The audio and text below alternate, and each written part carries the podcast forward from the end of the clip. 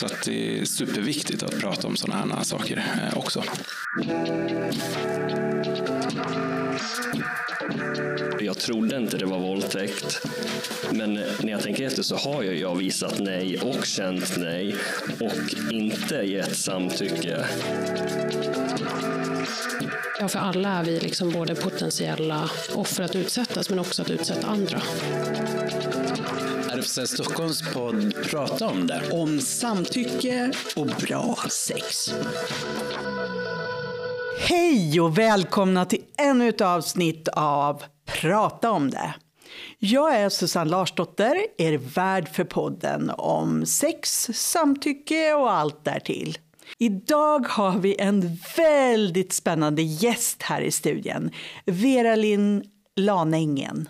En begåvad kompositör som inte bara har skapat musik till ett av världens första AI-spel utan har också en eh, socionomexamen och en examen i mänskliga rättigheter och har ägnat mycket tid åt att bekämpa barns utsatthet för våld. Varmt välkommen hit, Vera Linn. Tack så jättemycket. Kul att vara här. Innan vi går lite djupare in i dagens tema, berätta gärna om ditt arbete som kompositör. Ja, alltså mer specifikt så är det världens första AI-detektivspel. Okej. Okay. Så att äras den som äras bör, det är eh, utvecklaren Simone Oduardi som har gjort själva liksom, han har, han har gjort spelet från grund och botten nästan helt själv. Um, så att det som gör det här spelet så speciellt är att du sitter med en mikrofon och pratar med AI och ska liksom lösa mordgåtan genom att ställa frågor. Nej. Och de har ju olika personlighet och olika karaktärer. Liksom så, uh, så ska du agera detektiv helt enkelt. Så att det är upp till dig att ställa rätt frågor och lösa mordgåtan. Jag gillar din min. så min blygsamma roll är det att jag komponerar musik till det här spelet då.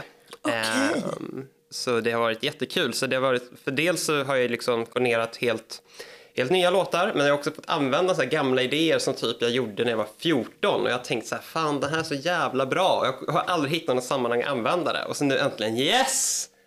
kan jag få in den äntligen. Det var många års väntan men nu jävlar satt den. Hur att, tänker man när man gör musik till ett sånt här spel?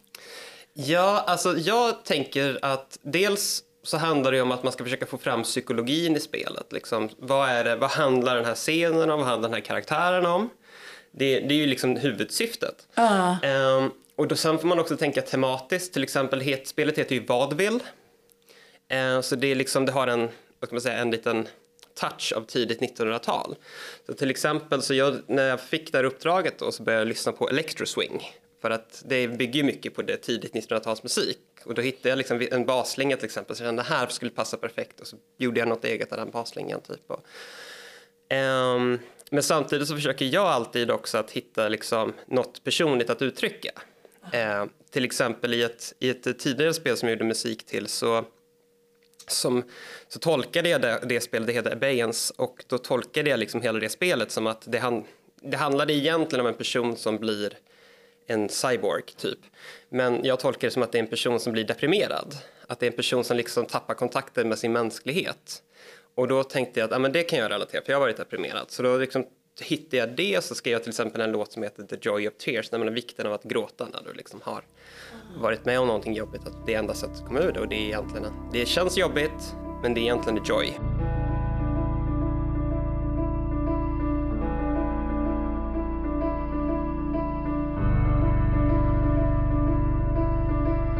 Så att man kan säga det är väl det jag försöker göra, att hitta någonstans, här, hitta, hitta psykologin, hitta vad handlar spelet om, vad är det spelet vill säga, men också hur kan jag säga det utifrån mina livserfarenheter. Typ så. Nej, men jag, jag, jag tror att det är, eh, att det är liksom det bästa när man hittar det där, sitt eget. För att, alltså en av mina favoritkompositörer är en man som heter Jeremy Soul. Och jag, jag lyssnar på jättemycket av hans musik, jag lyssnade på vägen hit till och med. Eh, och eh, ett spel av han, de han till de spel han har gjort musik som jag tycker sticker ut väldigt mycket ett spel som heter eh, Elder Scrolls Oblivion. Och, och jag har alltid bara tyckt att den, den, liksom, den står ut på ett annat sätt än all annan musik han någonsin har gjort. Och så läste jag en intervju där han berättade att innan han gjorde musiken till det här spelet var han med om en trafikolycka. Han var nära att dö. Han fick en sån nära döden-upplevelse och grejer. Um, så att när han gjorde musiken till det här spelet så ville han göra någon slags hyllning till livet, att han faktiskt överlevde. Och när, när jag läste det var så jaha, där har vi det! det är därför den är så bra.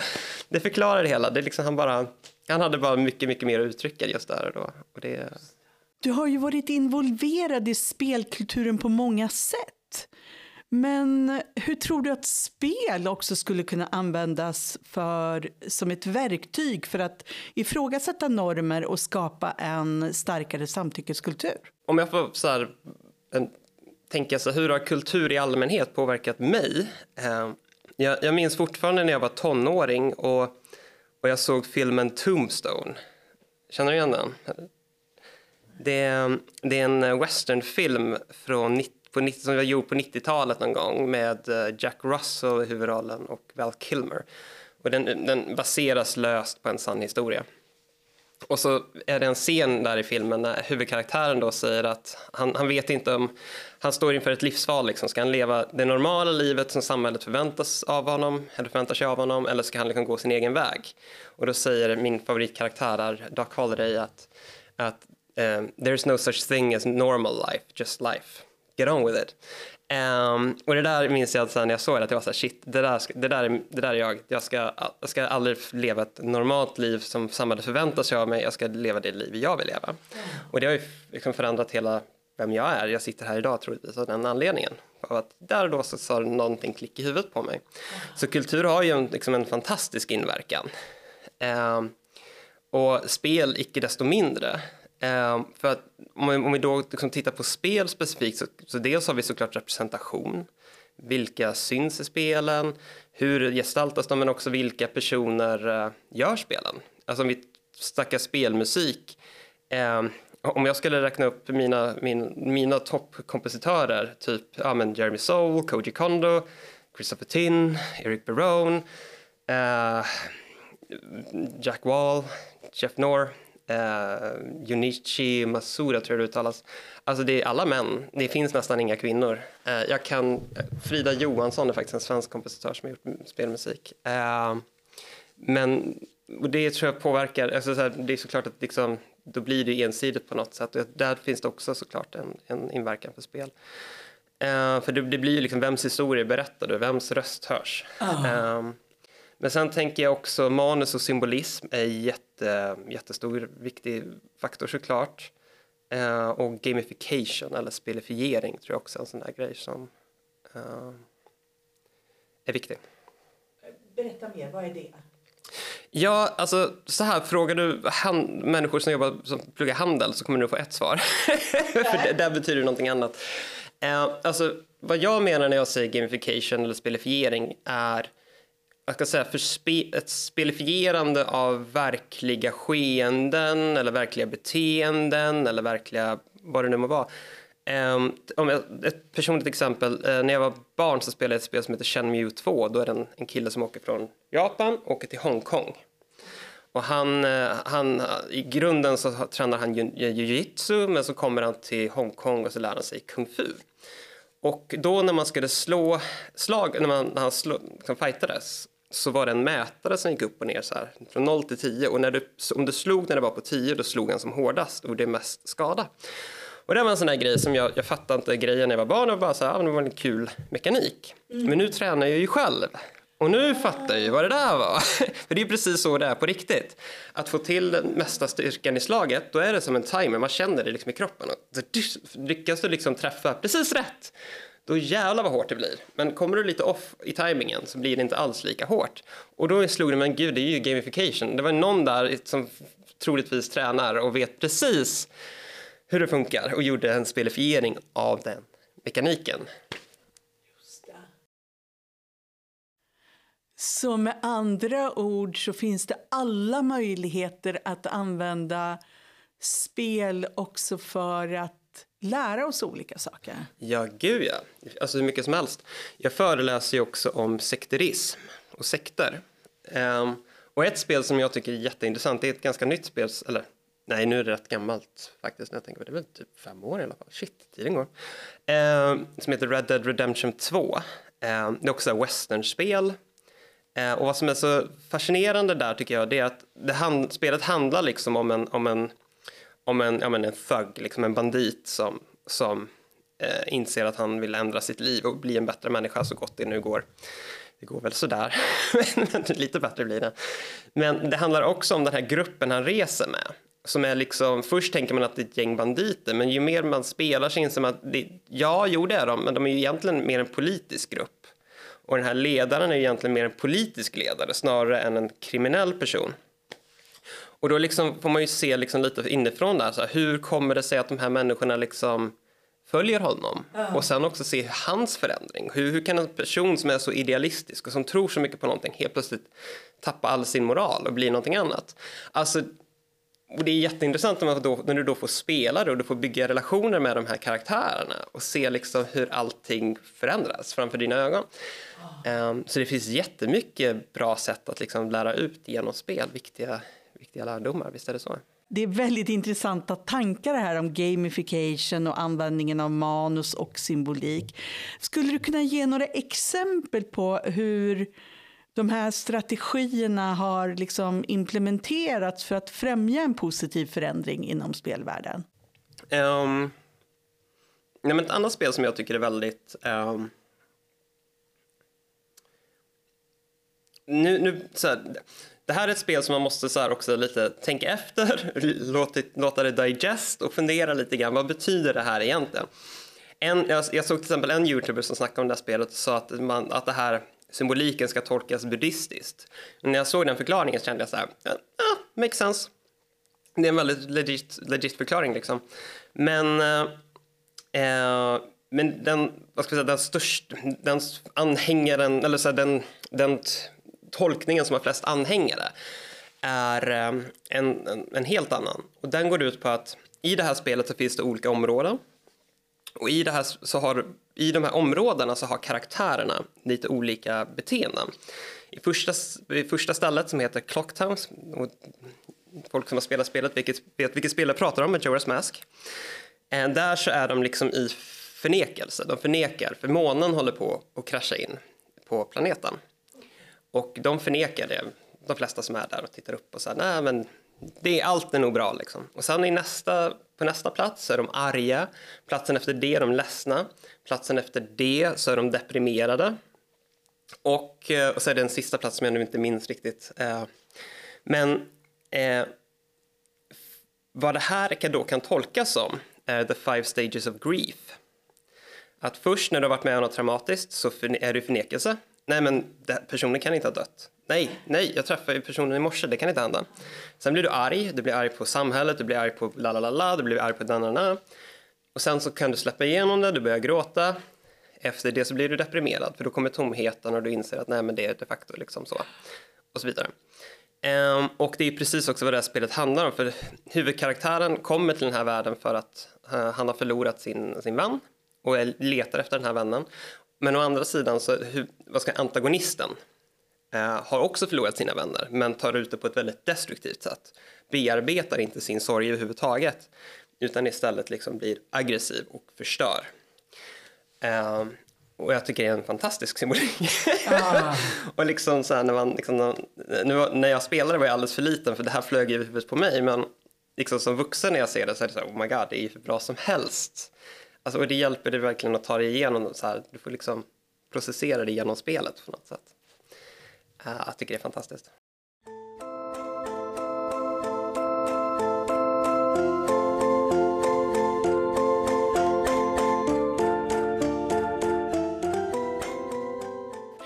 Men eh, som socionom, har du, kan du liksom se spel som du tänker att, att du möter en människa, det där spelet skulle hjälpa den där personen vidare? Skulle du kunna också använda det mer terapeutiskt? Jo, men alltså, det finns ju spel som... Eh, alltså, det beror lite på vad man menar. För om vi tar det här spelet som jag pratar om nu, där kräver det ju någonstans lite eftertanke från din sida. Att liksom så här, du tänker efter, du tänker igenom vad, eh, vad, vad betyder det här? Mm. Eh, men sen finns det ju spel som är lite mer rakt på en kompis häromdagen skickade en, en länk till mig om något spel. Nu minns jag inte alls vad det hette, men det var liksom lite ett spel för att hur hantera ditt liv i störst, hur sätter du bra vanor, hur skapar du god, hälsosamma ja, men vanor vad gäller kostträning, allt möjligt. Och liksom samtidigt så är det ett spel så att det liksom också är kul, så att du lär dig någonting. Um, så att det, det finns liksom alla möjligheter. Problemet är oftast att att antingen är det spel som inte alls bryr sig om det här och det, det är fine, alla spel måste liksom inte vara så. Jag tycker också det är kul, och, alltså, fantastiskt skönt att spela spel som verkligen är bara hjärndött, mm. helt mm. underbart liksom.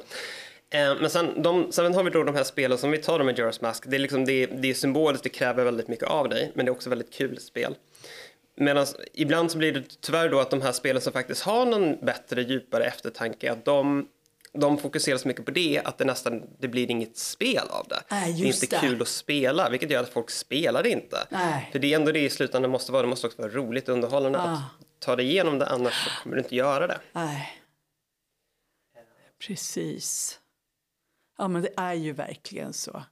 Men ja, det närmaste spel jag har kommit är att jag har lajvat en del. Men där har man ju möjlighet att gå in i en annan gestalt och utforska eh, hur en annan person kan tänka för att därigenom få också en ökad förmåga till empati, mentalisering. Skulle du säga att spel skapar samma möjlighet? Möjligheten finns där, absolut. Sen tror jag att det beror lite på hur spelet är utvecklat och också hur lite hur du är som spelare. För jag tror att vissa personer när de spelar, de, de skapar en karaktär och spelar spelet genom den karaktären. Mm. Jag till exempel, jag är oftare lite mer bara hur skulle jag spela, om det här karaktären var jag, ah, hur skulle jag göra? Eh, jag tror att det beror lite på hur du spelar. Okay. Eh, för jag märker också till exempel om jag spelat, spelar om ett spel, då kan jag kanske skapa en karaktär som jag tänker, hur skulle den här karaktären spela? Och då märker jag att jag gör helt andra val. Ah. Eh, typ så. Så jag tror att det beror lite på, men möjligheterna finns ju absolut där, alla dagar i veckan. Spännande. Men vilka är dina favoritspel då? Och varför är de favoriter? Oh my god. Eller det kanske var en fråga man inte får ställa. det, det finns ingen bättre fråga att ställa. Okej. Okay. det finns så mycket spel, det är det som är grejen. Det finns så otroligt mycket spel. Alltså, det är så här, jag kan inte inte svara Ocarina of Time, Zelda. Eh, jag kan verkligen förstå att så här, kids som spelar det spelet idag, att de kan ha svårt att förstå vad som är så speciellt med det. Eh, men alltså, där och då när det släpptes, det släpptes till Nintendo 64, så det här var ju sent 90-tal. Och jag minns så väl när jag spelade att innan dess, ni vet så här, hade man liksom sådana här världar hade man ju bara kunnat liksom utforska i antingen när du drömmer på natten eller när du fantiserade ut och var ute och lekte. Oh. Och så minns jag den här känslan av att jag spelar, men shit det här är ju liksom min fantasi, det här är ju liksom dröm, alltså det var så här, det var så, det var så här overkligt nästan. Eh, och sen då när det är så stort och episkt och liksom, alltså musiken, my god musiken. Um, det, det, liksom, det var en stor upplevelse, väldigt stor upplevelse. Um, så jag kan liksom inte inte nämna det. det, är liksom, det jag skulle, skulle syn- häda om jag inte sa det. Men om jag får nämna en liten bubblare som jag tänker också är intressant för det här sammanhanget. Um, ett spel som ganska få ändå känner till, tror jag. Och, men som är helt fantastiskt. Uh, det är ett spel som heter To the Moon. Mm. Alltså till månen. Det är ett litet indiespel. Och Major, major spoiler warning. för, för, alltså så här, det bästa sättet att spela det här spelet det är att bara köpa det, ladda ner det. Det kostar typ under hundralappen tror jag. Och bara spela det utan någon som helst föraning om vad som kommer hända. För det, det, är liksom, det är, så, det är så mycket twists and turns i spelet. Så att det är liksom, börjar man prata om det så direkt spoilar man det. Så, okay. så att, Major, major spoiler warning. Uh, ladda ner det, köp det, sen fortsätt lyssna på den här intervjun. För det, då, då, kan vi, då kan vi prata om alla känslor. Så. Uh, nej, för, om jag då ska gå till, berätta varför jag tycker det här spelet är så bra. Uh, så är det det att det, när spelet börjar så handlar det liksom om två personers relation. De är gamla och Ehm, man får liksom bara en känsla av en väldigt känslolös, kärlekslös, kall relation. Man får så här, du vet, vrida sig i magen liksom. Typ så, så här, uff, det där var inte så trevligt. Eh, och det är framförallt då liksom kvinnan i den här relationen som är liksom väldigt kall mot, mot mannen. Eh, och man undrar ju liksom allt det som ligger bakom det där. Men grejen är att då så liksom får man backa bandet längre och längre bak och få se liksom hur, vad, vad var det som hände den där första scenen som man får se liksom, som är så, så här, mm. Och man inser att de här människorna älskar varandra över allting annat. Det är bara det att hon är autistisk. Ah. Så hon liksom uttrycker sin kärlek på ett annat sätt Ja. som är väldigt svårt att förstå om man bara kliver in och ser det utifrån lite sådär. Och så, ins- så får, alltså det är vissa scener som är så, här- det är så hjärtskärande att det är så här. Alltså det är så här kvalitativ cry porn. det är verkligen bara shit alltså. Alltså gud, man, man känner liksom, åh nej nu bygger de upp mot någonting, nu kommer det någonting, nu kommer det någonting här. Så, åh gud, det där var rörande. Nej, så bra. Och alltså, en, alltså, alltså, det finns så mycket scener i det där spelet som är så bra. Men till exempel en, spel, en scen som jag tänker är så här, fick mig att se lite saker ur annat perspektiv. Då får man se liksom deras första dejt. Mm. Och då så, eh, så ska de gå på bio tillsammans. Och så går han in i salongen, hon har inte kommit. Och så sitter han där och väntar, han, tänker att hon är väl sen. Och sen så dyker hon inte upp och så går han ut och sätter sig och gråter. Men så kommer hon ut ur salongen och säger varför, varför gick du ut för? Och han säger, har du suttit där inne hela tiden? Och hon säger, ja, vi skulle ju gå på bio ihop. och han blir så här, men varför satte du inte mig för? För Hon var så här, men det spelar väl ingen roll vart jag sitter? Eller, typ, så vi, vi var ju i samma rum. Det är inte det poängen liksom. Ehm, och den scenen är så bra, för liksom, då, hur han vänds, han blir ju jätteglad givetvis. där, Hon kom liksom och Ja. så vidare. Um, så är det en jättefin scen och liksom så att ja, man får verkligen en så här, liten tankeställare. Man lär, jag kände att jag lärde mig väldigt mycket liksom, av att spela det. Eh, väldigt fint spel. Så fascinerande.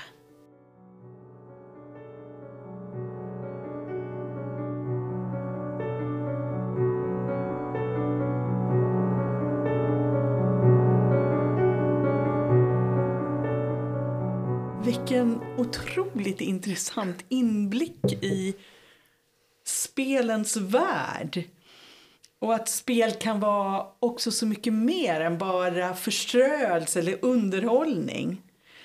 Men hur tänker du att spel som det här uh, To the Moon kan påverka människors attityder och förståelse? Eh, ja, det här spelet gav ju liksom en unik inblick i autism men andra komplexa eh, ämnen som till exempel det som vi pysslar mycket med här, samtycke och relationer. Vad finns det för potential? Ja, men jag, jag skulle säga att det finns väldigt mycket potential. Eh, liksom åt, åt bägge håll, skulle jag säga. Eh, ett spel som ofta får väldigt mycket kritik Eh, och jag säger inte att den kritiken är vare sig befogad eller obefogad utan bara konstaterar att det får mycket kritik och det är till exempel spel som Grand Theft Auto, eh, GTA. Ehm, till exempel där, där förekommer prostitution och sådana saker. Eh, och det är ju väldigt problematiskt. Samtidigt så, tyck, så är det också, vad ska man säga, det är också satir. Så att det är gjort någonstans med någon slags medvetenhet om att ja, det finns i spelet men det är inte nödvändigtvis så att det liksom säger att go for it. Utan eh, snarare, jag kan tycka att det ändå finns en konstnärlighet i det. Att det liksom tänk, får dig att tänka till lite grann och liksom se saker i perspektiv och så vidare. Medan då till exempel om man tar ett spel som Far Cry 4 till exempel. Som många skulle jag säga troligtvis tycker att är mycket, mycket lightare än Grand Theft Auto liksom. Men där tycker jag, det är ett spel som jag tycker, jag har spelat väldigt mycket för att det utspelar sig typ i, i Nepal liknande land och jag älskar de länderna så att jag älskar att springa runt där. Eh, men när jag spelade det så tänkte jag ofta på det här att till exempel hur de man, det känns lite som så här 40-åriga män som tänker att äh, det här tycker college kidsen är coolt. Och så här, ja, du vet. Så, och man säger, ja, nej, det hoppas jag att de inte tycker för det är bara fånigt. och det är liksom, där kan man märka att de, det känns som att de har inte själva problematiserat sin egen humor, sin egen liksom, jargong, utan för dem är det här, liksom, det här är kul. Medan om man, om man tar the Grand Theft A då kan man ändå märka att de här personerna har ändå intelligens någonstans. De, de vet vad de gör, men så. Så att det finns det finns liksom potential åt bägge håll på något sätt. Och det är inte helt enkelt alltid att dra den här linjen. Vad, när går man, vad är bra och vad är dåligt ens? Liksom. Nej. Uh, för att jag tycker om man tar Grand Theft Auto 5 eller 5. Um, ehm, jag tycker det är ett jättebra spel för liksom så här, som någon slags samhällskritik och samhällsanalys mot liksom västerländsk kultur i största allmänhet. Mm. Men då innebär det också att du måste visa de mörka sidorna. Mm. Alltså så, du kan inte liksom kritisera någonting. Så, så det, det, ja, det finns mycket. ja, vad spännande. Men, men har du tagit med dig erfarenheter från ja, men, exempelvis mänskliga rättigheter, våldsförebyggande eh, arbete och så här. Har du tagit med det in när du skapar? Va, vad är det som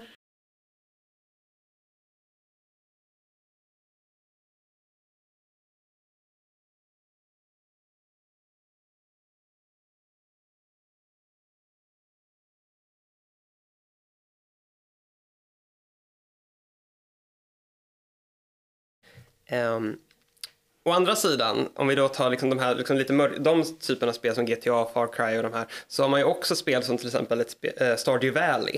Uh, det är ett, egentligen ett, ett bond, så farming-spel. Du är bonde, du odlar potatis och vattenmeloner, hejer och allt okay. det Och det, det är så supermysigt, supergulligt, väldigt så här liksom feel good och wholesome.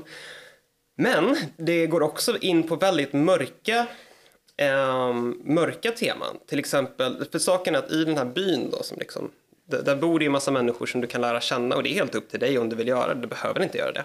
Aha. Men det är väldigt svårt att låta bli när det är så gulligt. Eh, och eh, till exempel en av de här karaktärerna du lär känna i den här byn, han är ju suicid. Eh, och jättedeprimerad och mår dåligt. Eh, och han, han, det är något slags självmordsförsök vill jag minnas och grejer. Eh, och en annan person, han är gammal så här, eh, veteran, så han har posttraumatisk stress och grejer. Och, och du får ju liksom lära känna de här karaktärerna och förstå lite så här, hur fick de de här problemen? Hur hanterar de dem? Och så vidare. Och liksom, eh, och, och liksom hur, hur de utvecklas som människor liksom och sådär. Eh, och, och, och, i ett sånt gulligt och någonstans alltså, mysigt spel. Så det, jag tycker de, den här skaparen, då, Eric Barone, gör det så bra för att det är så liksom så... Alltså det, det, är så, det är så precis lagom på något sätt. Du får lite den här känslan i bröstet. Ah. Oh, det där var lite jobbigt. Men samtidigt så lätt. Så att Ja, det finns så väldigt mycket potential och jag, jag, tycker han till exempel gör det fantastiskt i det spelet. Väldigt enkelt, väldigt simpelt och du lär dig någonting och du känner någonting och du liksom får djupare förståelse. Ja, men verkligen, för det där låter ju som att man också just får den här empatin, medkänslan, kan sätta sig in i de här personernas eh, tidvis kämpiga tillvaro då. Ja, absolut. Absolut, och om vi tar också till exempel den här karaktären då som har posttraumatisk stress, han är ju en pappa. Så att han har ju barn, och så att du får ju också se lite hur det påverkar hela familjen, liksom. Hans mående och sådär. Och, eller till exempel den här personen som försöker begå självmord. Eh, han har ju en, eh, vad blir det, nis, alltså syskonbarn som blir jätteledsen och jätteupprörd när mm. de hittar honom liksom liggandes. Eh, och liksom han inser hur mycket han har påverkat henne och hur självisk han har varit. Liksom att så här, att så här, ja, jag mår dåligt men hur dåligt skulle inte hon må om jag försvann? Och så vidare. Så att, men fortfarande väldigt, ska säga, det, det är otroligt komplext fast förklarat på ett väldigt lättillgängligt sätt. Eh, ja men precis. Och det blir, du kan ta till dig det också. Eh, Fast det just är uttryck av vår mänskliga komplexa natur. Ja, precis. Fascinerande. Mm -hmm.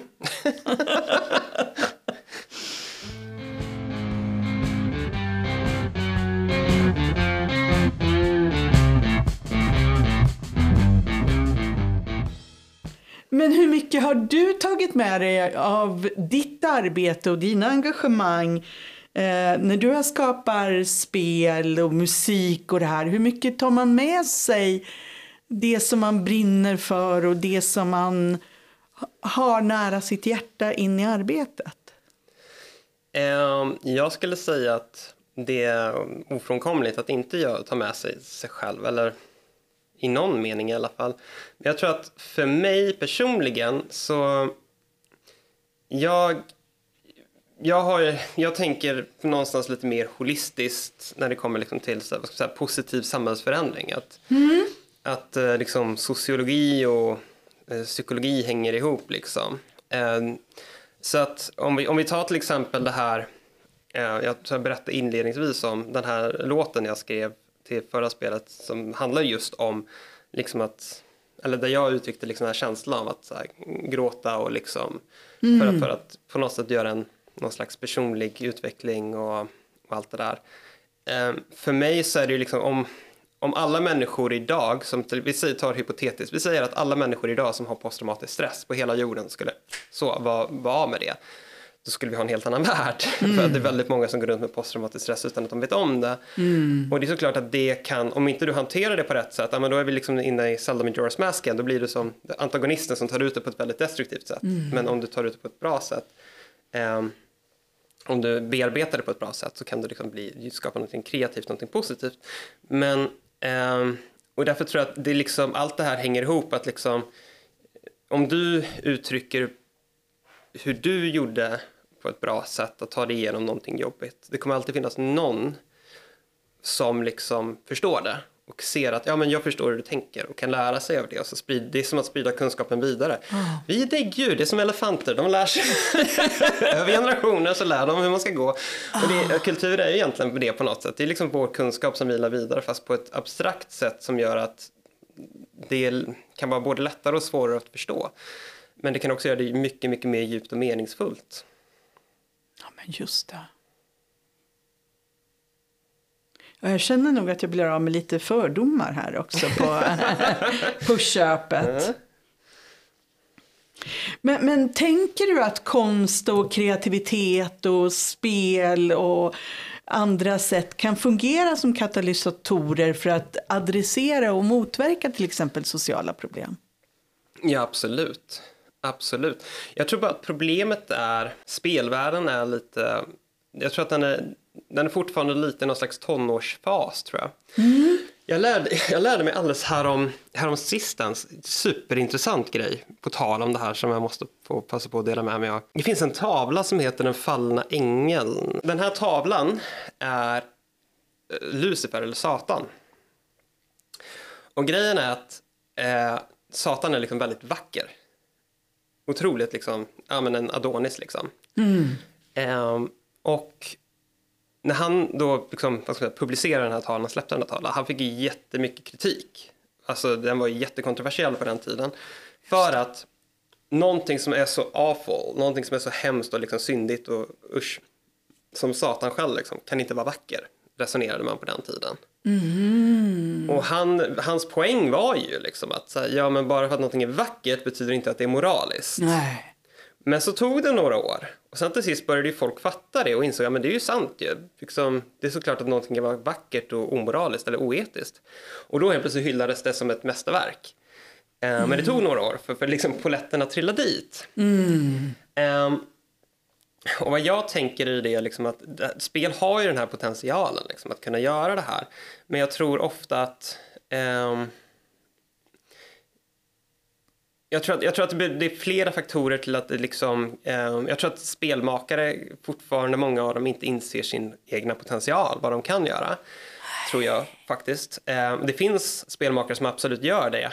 Eh, vi tar till exempel svenska studion, eh, vad heter de, Frostbite tror jag de heter, som har gjort Unravel 1 och 2. Eh, jättebra spel som liksom handlar lite om, om, ja men om det, det är väldigt symboliskt, så det är så här, man får liksom tänka till lite grann vad de försöker säga egentligen, men lite om vänskap och relationer och allt vad det är. Ah. Eh, så jag tror delvis det att man kanske själv inte förstår potentialen, men sen tror jag också att det är det här att återigen den här skalan mellan att vara ett nyttigt spel och vara ett roligt spel. Ah, så tror jag att väldigt ah. många safear och satsar hellre på att det ska vara kul så att det säljer bra snarare än motsatsen. Min teori. Eh, men jag tror att ju mer och mer liksom, spelvärlden går framåt så tror jag absolut att vi kommer få mer och mer spel som verkligen är liksom, ha, utnyttjar den här potentialen till max. Det tror jag absolut. Och jag hoppas för det finns så mycket potential. Ja, men verkligen.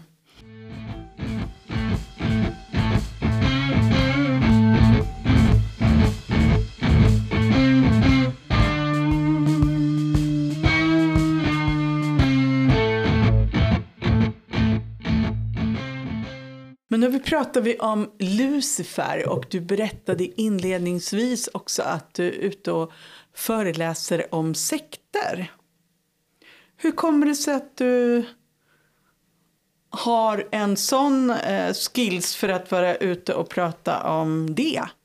Jag växte upp i Jehovas vittnen. Ehm, Så, eh, så att det var ganska naturligt egentligen. När jag lämnade Jehovas vittnen så började jag engagera mig i en förening som heter Hjälpkällan, eller heter, den finns fortfarande kvar.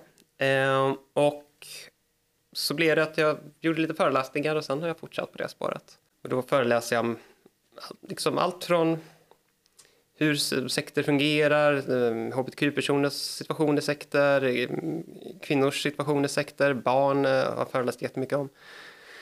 Ehm, liksom sekter från ett sånt slags socialpsykologiskt perspektiv, sociologiskt perspektiv. Ehm, och ja, även ibland min egen livshistoria. Den tycker jag är tråkigast att föreläsa. För att jag, jag vet alltid hur det slutar. Jag tycker alltid att det är roligare att föreläsa det andra för det är för mig- väldigt spännande att prata om de här liksom, mer strukturella sakerna. Det tycker jag är väldigt spännande. Så att jag föreläser hellre om det. Men, men ibland föreläser jag även om mig själv. Mm, vad spännande, för jag har också en bakgrund i eh, trosrörelsen och eh, jag funderar en del vad, vad det gör med oss när vi har varit i sekteristiska sammanhang och hur det också påverkar våra möjligheter till eh, gränssättning, eh, förmåga att säga nej när man en gång har varit i en ganska totalitär miljö där det har funnits en sanning och det har eh, varit svårigheter om man har försökt att ifrågasätta den sanningen. Ja, eh, alltså det är en det är, vad ska jag säga, komplex fråga med komplexa svar. Men jag skulle säga att det finns lite två sätt att se på det där. För det ena sidan så, så kom, många sektavhoppare beskriver sig som invandrare i sitt eget land. För man har, så, man har växt, vuxit upp under andra kulturella preferenser. Liksom. Så hur ska man, kulturella koder, hur ska man bete sig, vad är korrekt beteende? Ehm, och det kan ju liksom sträcka sig från liksom allt, det inkluderar allt, dating, vad som helst. Liksom. Ehm, men ehm, när det kommer till gränssättning så tänker jag att jag tror att det kan slå åt bägge håll. Ja, just det. Antingen så blir man nog en person som har väldigt svårt att sätta upp gränser. För att du är liksom van vid att du har lärt dig att du ska inte ha vissa gränser. Du ska bara säga ja. Exakt. On the other hand så kan det också slå åt andra hållet. Att du, blir så, du blir, går från tes till antites, liksom, att du blir Ah. raka motsatsen. Att, nej, du säger alltså så, nej, alltså till allt typ. Ehm, och jag tror att den absolut, eh, när jag har liksom eh, um, pratat och umgåtts med, med sektorhoppare så eh, jag brukar kalla det för gruppofobi eller att man är gruppofob. Att man blir väldigt så här, man ser direkt de här destruktiva mönstren i grupper. Vilket gör att man direkt blir väldigt så här, nej, det här vill jag inte vara med om, om hej då. Eh, och, och det är bra på ett sätt, men på ett sätt tror jag också att det kan slå till överdrift för saken att det är lite som en, en människa har inte bara positiva egenskaper, en människa har också dåliga egenskaper, men det betyder inte att personen på det hela taget är dålig. Och det är såklart att grupper är likadana. Grupper kan ha negativa strukturer, men det betyder inte att gruppen på det hela taget är dålig. Så, så att jag tror att det kan bli lite obalanserat och onyanserat ibland för att man har så dålig erfarenhet av, av vad grupper kan göra att man liksom blir totalt nej, jag är inte med om det är minsta lilla dåligt. Den ska vara perfekt. Ja, men jag kan identifiera mig med det där verkligen. För att ibland kommer man in i grupper och i många grupper finns det ju sekteristiska inslag. Alltså, har vi en grupp som jobbar med mänskliga rättigheter så finns det också liksom vissa normer som gör att vi säger att det, men det ska vara, du ska vara inom den här normen och då kan man känna att här ska ingen komma Nej. och lägga några sekteristiska riktlinjer på mig. Jag ska vara fri. Exakt. jag vet precis vad du menar. Uh. Um, så det är ju någon balans där liksom. Så att, Alltså, som jag ser det så det, försöker jag ha inställningen så här att absolut att det finns grupp, normer i gruppen men så länge jag är, alla är okej okay med att jag får vara som jag är och folk är okej okay med det så ja, men då har vi inget problem egentligen. Nej. Utan det är ju liksom det här om jag säger nej till någonting och mitt nej inte respekteras mm. då är det ju någonting som är fel, mm. tänker jag. Eh, jag brukar, ha, jag brukar ge det lite som tips om man ska ta tempen på en grupp. Liksom. Testa och säg nej bara. Hur reagerar folk? Liksom? Är det liksom... Nu, nu, det här är ju liksom inte en, en vad ska man säga, vattentät vattentätt test liksom, för att det är såklart att det finns sammanhang där liksom kanske det blir problematiskt om du säger nej av förståeliga skäl givetvis. Mm. Men liksom generellt, liksom, om du säger nej, vad händer då? Försöker du liksom, respekteras ditt nej? Liksom, respekteras dina känslor, respekteras ditt perspektiv? Uh, och där brukar man ofta märka när det liksom, mm, ja, ja, mm. Nej är ett svårt ord i sekter. Det är inte vad sekter bygger på. Sekter bygger på ja. Du ska säga ja. Oh. Uh. Men jag kan ju inte låta bli att dra en parallell till relationer också. Ja, med, med att säga nej och Exakt. inte bli riktigt respekterad i det. Vilka möjligheter har jag att säga nej också i relationer till andra människor? Absolut. Jag brukar säga det när jag, jag har föreläst mycket om eh, barn som bevittnar våld och liknande. Mm. Och när jag gör de föreläsningarna så drar jag alltid paralleller till sekter säger att det här är ungefär samma sak. Och, så nu har det också blivit, när jag föreläser om sekter så brukar jag ta upp exemplet med eh, våldsamma relationer. Just för att det är ungefär samma sak. Det kommer att ta till exempel varför lämnar inte en, en partner som blir eh, misshandlad eller vad det nu är. Eh, ja, det är ungefär samma anledningar som personer i sekter. Mm. Det kan till exempel vara liksom att du har blivit socialt isolerad. Du har mm. inget annat. Det kan vara skam, du skäms över vad du varit med om eller du känner skuld kanske om jag lämnar, då lämnar jag ju det här och la la la la la.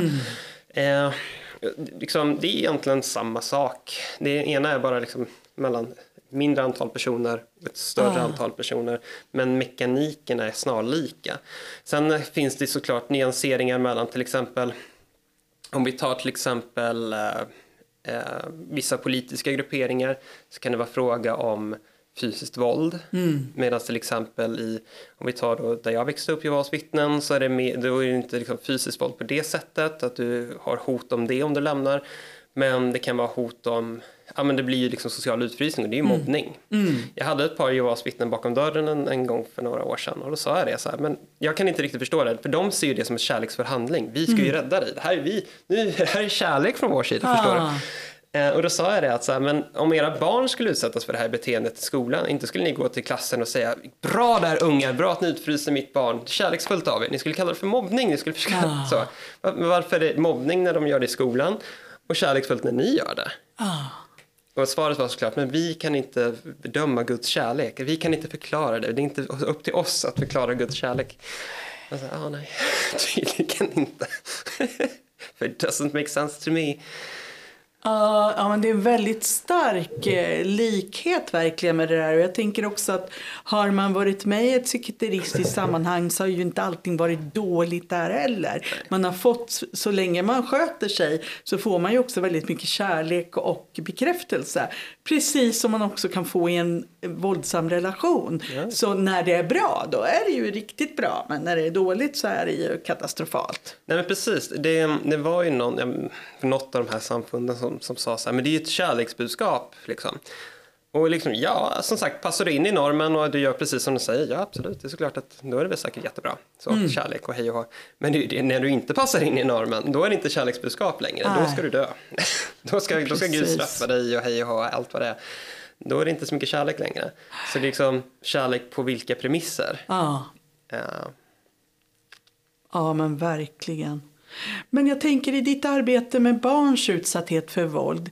Finns det några specifika utmaningar eller möjligheter som du har stött på som du tänker att det är viktigt att fler är medvetna om? Alltså en sak som jag eh, försöker liksom få folk att förstå. Ursäkta. um, det är det här med vad våld är för någonting. Så när jag föreläser om våld, jag brukar säga med en gång att fysiskt våld, vi kommer inte prata om det idag. Det är, det är ointressant för det vet vi vad det är. Vi ska prata om det andra våldet. Materiellt våld, sexuellt våld, psykologiskt våld, eh, ekon, ehm, um, så ekonomiskt, ja det sa jag. Ehm, ehm, ja, eh, att liksom allt det här andra våldet som också är en, alltså värre på ett sätt, för att just för att det är mer diffust. Om du har blivit slagen så vet du att du har blivit slagen. Men har du blivit utsatt för materiellt våld, då blir helt plötsligt gränsen mycket mer diffus. Nej, men det, är ju inte, det var ju inte våld, det var ju la la la la. Jo, men det var våld. Eh, Det var bara ett annat typ av våld. Och liksom att, ja, det är någonting som jag verkligen hoppas att människor, att vi liksom med samhället framåt blir mer varse om. Och även att lagstiftningen blir bättre på det här. Ah. För grejen är att det, vad som händer är det att du blir ju traumatiserad. Och, och ett trauma är ju vad ska man säga, något slags emotionellt psykiskt sår. Jag menar, om jag om jag skulle dra upp en kniv och skära någon skulle ingen tveka på att det där var våld. För att du ser, det blir ett ärr där och hej och... Men grejen är att när det blir psykologiska sår, trauman, då helt plötsligt så blir du, du kan ju inte se det, du kan inte peka på det och helt plötsligt blir det mycket svårare med lagstiftning. Men likväl, det är fortfarande, du är fortfarande skadad, du är fortfarande ärrad. Och och det gör ju också att det kan bli ännu svårare att på något sätt ta dig ur det. Att hela det såret, för att det är inte ens liksom riktigt tydligt vad du har varit med om. Alltså, så fort det blir mer diffust så blir allting så mycket svårare. Och därför hoppas jag liksom att ett första steg är att man på något sätt lär sig mer om att våld är inte bara det, utan valde så mycket mer. Ja men precis och det, det, jag brukar säga det att om jag går ut från en relation och har så mycket sämre självförtroende efter den där relationen eh, och att det faktiskt beror på att jag varit utsatt för psykiskt våld i den här relationen så det är väldigt svårt att säga att ja, men jag var utsatt för våld och det är därför jag mår som jag gör. Utan jag lägger ju det ansvaret på mig själv många gånger. Och lägger inte ansvaret där hemma på att jag faktiskt har varit utsatt för psykiskt våld. Men har jag blivit knivskuren som du säger, ja, då kanske jag till och med har ett ärr jag kan visa upp att det är ett sånt tydligt tecken på att jag har varit utsatt. Ja, precis. Precis. Och sen så blir ju också det här, det blir, jag tror att det, det kan vara lättare på något sätt också att komma över fysiskt våld på det sättet att det blir också ett, på något sätt kanske ett Alltså om, du, har- om jag, du har gått ut på stan och blivit slagen av någon så är det, tar det slut där vid. Medan så här, det, vad, vad jag egentligen försöker säga tror jag är att det är jätteviktigt att förstå när man har varit ett offer för någonting. Men det är också viktigt att så snabbt som möjligt komma över den rollen. För om man går och bär på det, det kommer liksom fucka upp alla dina relationer efter det. För du har nu gått in i offerrollen och tagit på dig det och det är den rollen du är. Nej, du är en aktör. However, du har varit offer för någonting och det är jätteviktigt att liksom bejaka det och erkänna det och så be- bearbeta de känslorna som kommer med det. Men att så snabbt som möjligt ha målet att komma över det och gå vidare i livet. Jag tror att det är också lite svårare när det är psykologiskt. Att liksom, det har på något sätt satt sig mer i din personlighet, i dina känslor. Det är skillnad på om du blir slagen av en främling på stan än om du har över års tid blivit liksom nedbruten. För då har det liksom format din personlighet på ett annat sätt. Men barn har ju sämre möjligheter till gränssättning än vuxna också har. Även om vi har satt mer fokus på barns rätt att sätta gränser så är det ju fortfarande så att barn är mycket mer beroende av de vuxna. Hur ska vi tänka där? Nej, men jag brukar säga så här när jag, när jag föreläser att man, man kan inte alltid rädda barnen i de här situationerna. Alltså man vill ju väldigt gärna gå in och liksom säga hej, save the child. Liksom. Det, det är någon slags primal instinkt inom en. Men man kan inte alltid. För att det, det vanvårdade som barnet är med om är inom liksom de gränser som liksom lagen inte riktigt kan snappa upp dem. Men det betyder inte att man inte kan hjälpa dem. Mm. Um, och då till exempel så brukar jag, jag brukar prata lite utifrån systemteorin att, um, att om man ser alla samma, sociala sammanhang som ett barn är i, mm. och så sätter man liksom, om man poängbedömer dem från minus till plus liksom, hur bra är det här sammanhanget? Ja, men I skolan känns det plus fem, men hemma känns det minus tio. Mm. Att man någonstans liksom försöker se det som en ekvation, alltså hur ska vi få så mycket plus som möjligt? Mm. Så att ändå över he hela taget så känns barnets liv bra. Det känns bara inte bra hemma. Det, kan, så här, det kanske inte räddar barnet, men det kan ge barnet ett, ett meningsfullt liv och kan göra att det fortfarande känns bra på det hela taget. Mm. Um, och sen så brukar jag också säga det att det finns ju vissa um, skyddsfaktorer kallar man det för. Mm. Alltså beteenden som barn har som gör dem bättre rustade att hantera jobbiga situationer. Eh, och då till exempel eh, så brukar man prata om barn som har bra skolresultat går det alltid bättre för. Eller inte alltid, men det går ofta bättre för. Eh, barn som själva kan liksom någonstans reflektera och analysera tenderar det att gå bättre för. Eh, och, och de här beteendena är ju någonting du kan uppmuntra hos ett barn. Ja. Och säga liksom, du, du är verkligen bra på att analysera och liksom tänka till kring saker, reflektera. Fortsätt med det, du är jätteduktig på det. För då förstärker du den sidan och barnet mm. identifierar sig med det och det är ju såklart att det gör att barnet då får det ännu lättare. Att liksom mm. lyfta upp de sidorna, uppmuntra så att barnet får stärkt självkänsla, stärkt självförtroende och då kommer den också lättare kunna på något sätt liksom eh, separera sig själv liksom, på något sätt mellan, med sig själv och familjen på något sätt. Att se sig själv liksom, i den kontexten och förstå att ja. Så, eh, så det är saker man kan absolut göra.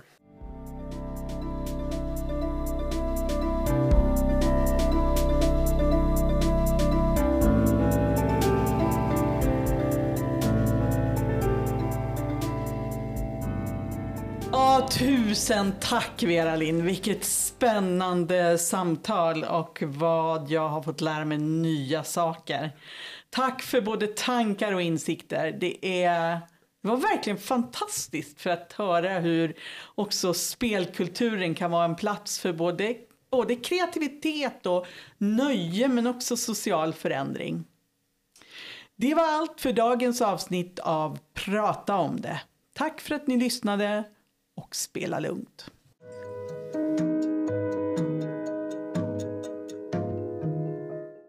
Har du blivit utsatt för våld, hot eller trakasserier? Som hbtqi-person kan du få hjälp på RFSLs stödmottagning.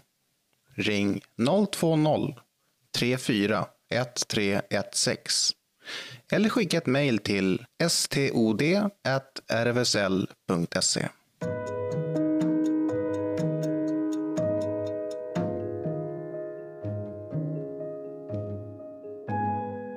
Podden görs av RFSL Stockholm med stöd från Jämställdhetsmyndigheten. Producent är Emma-Lina Pascal.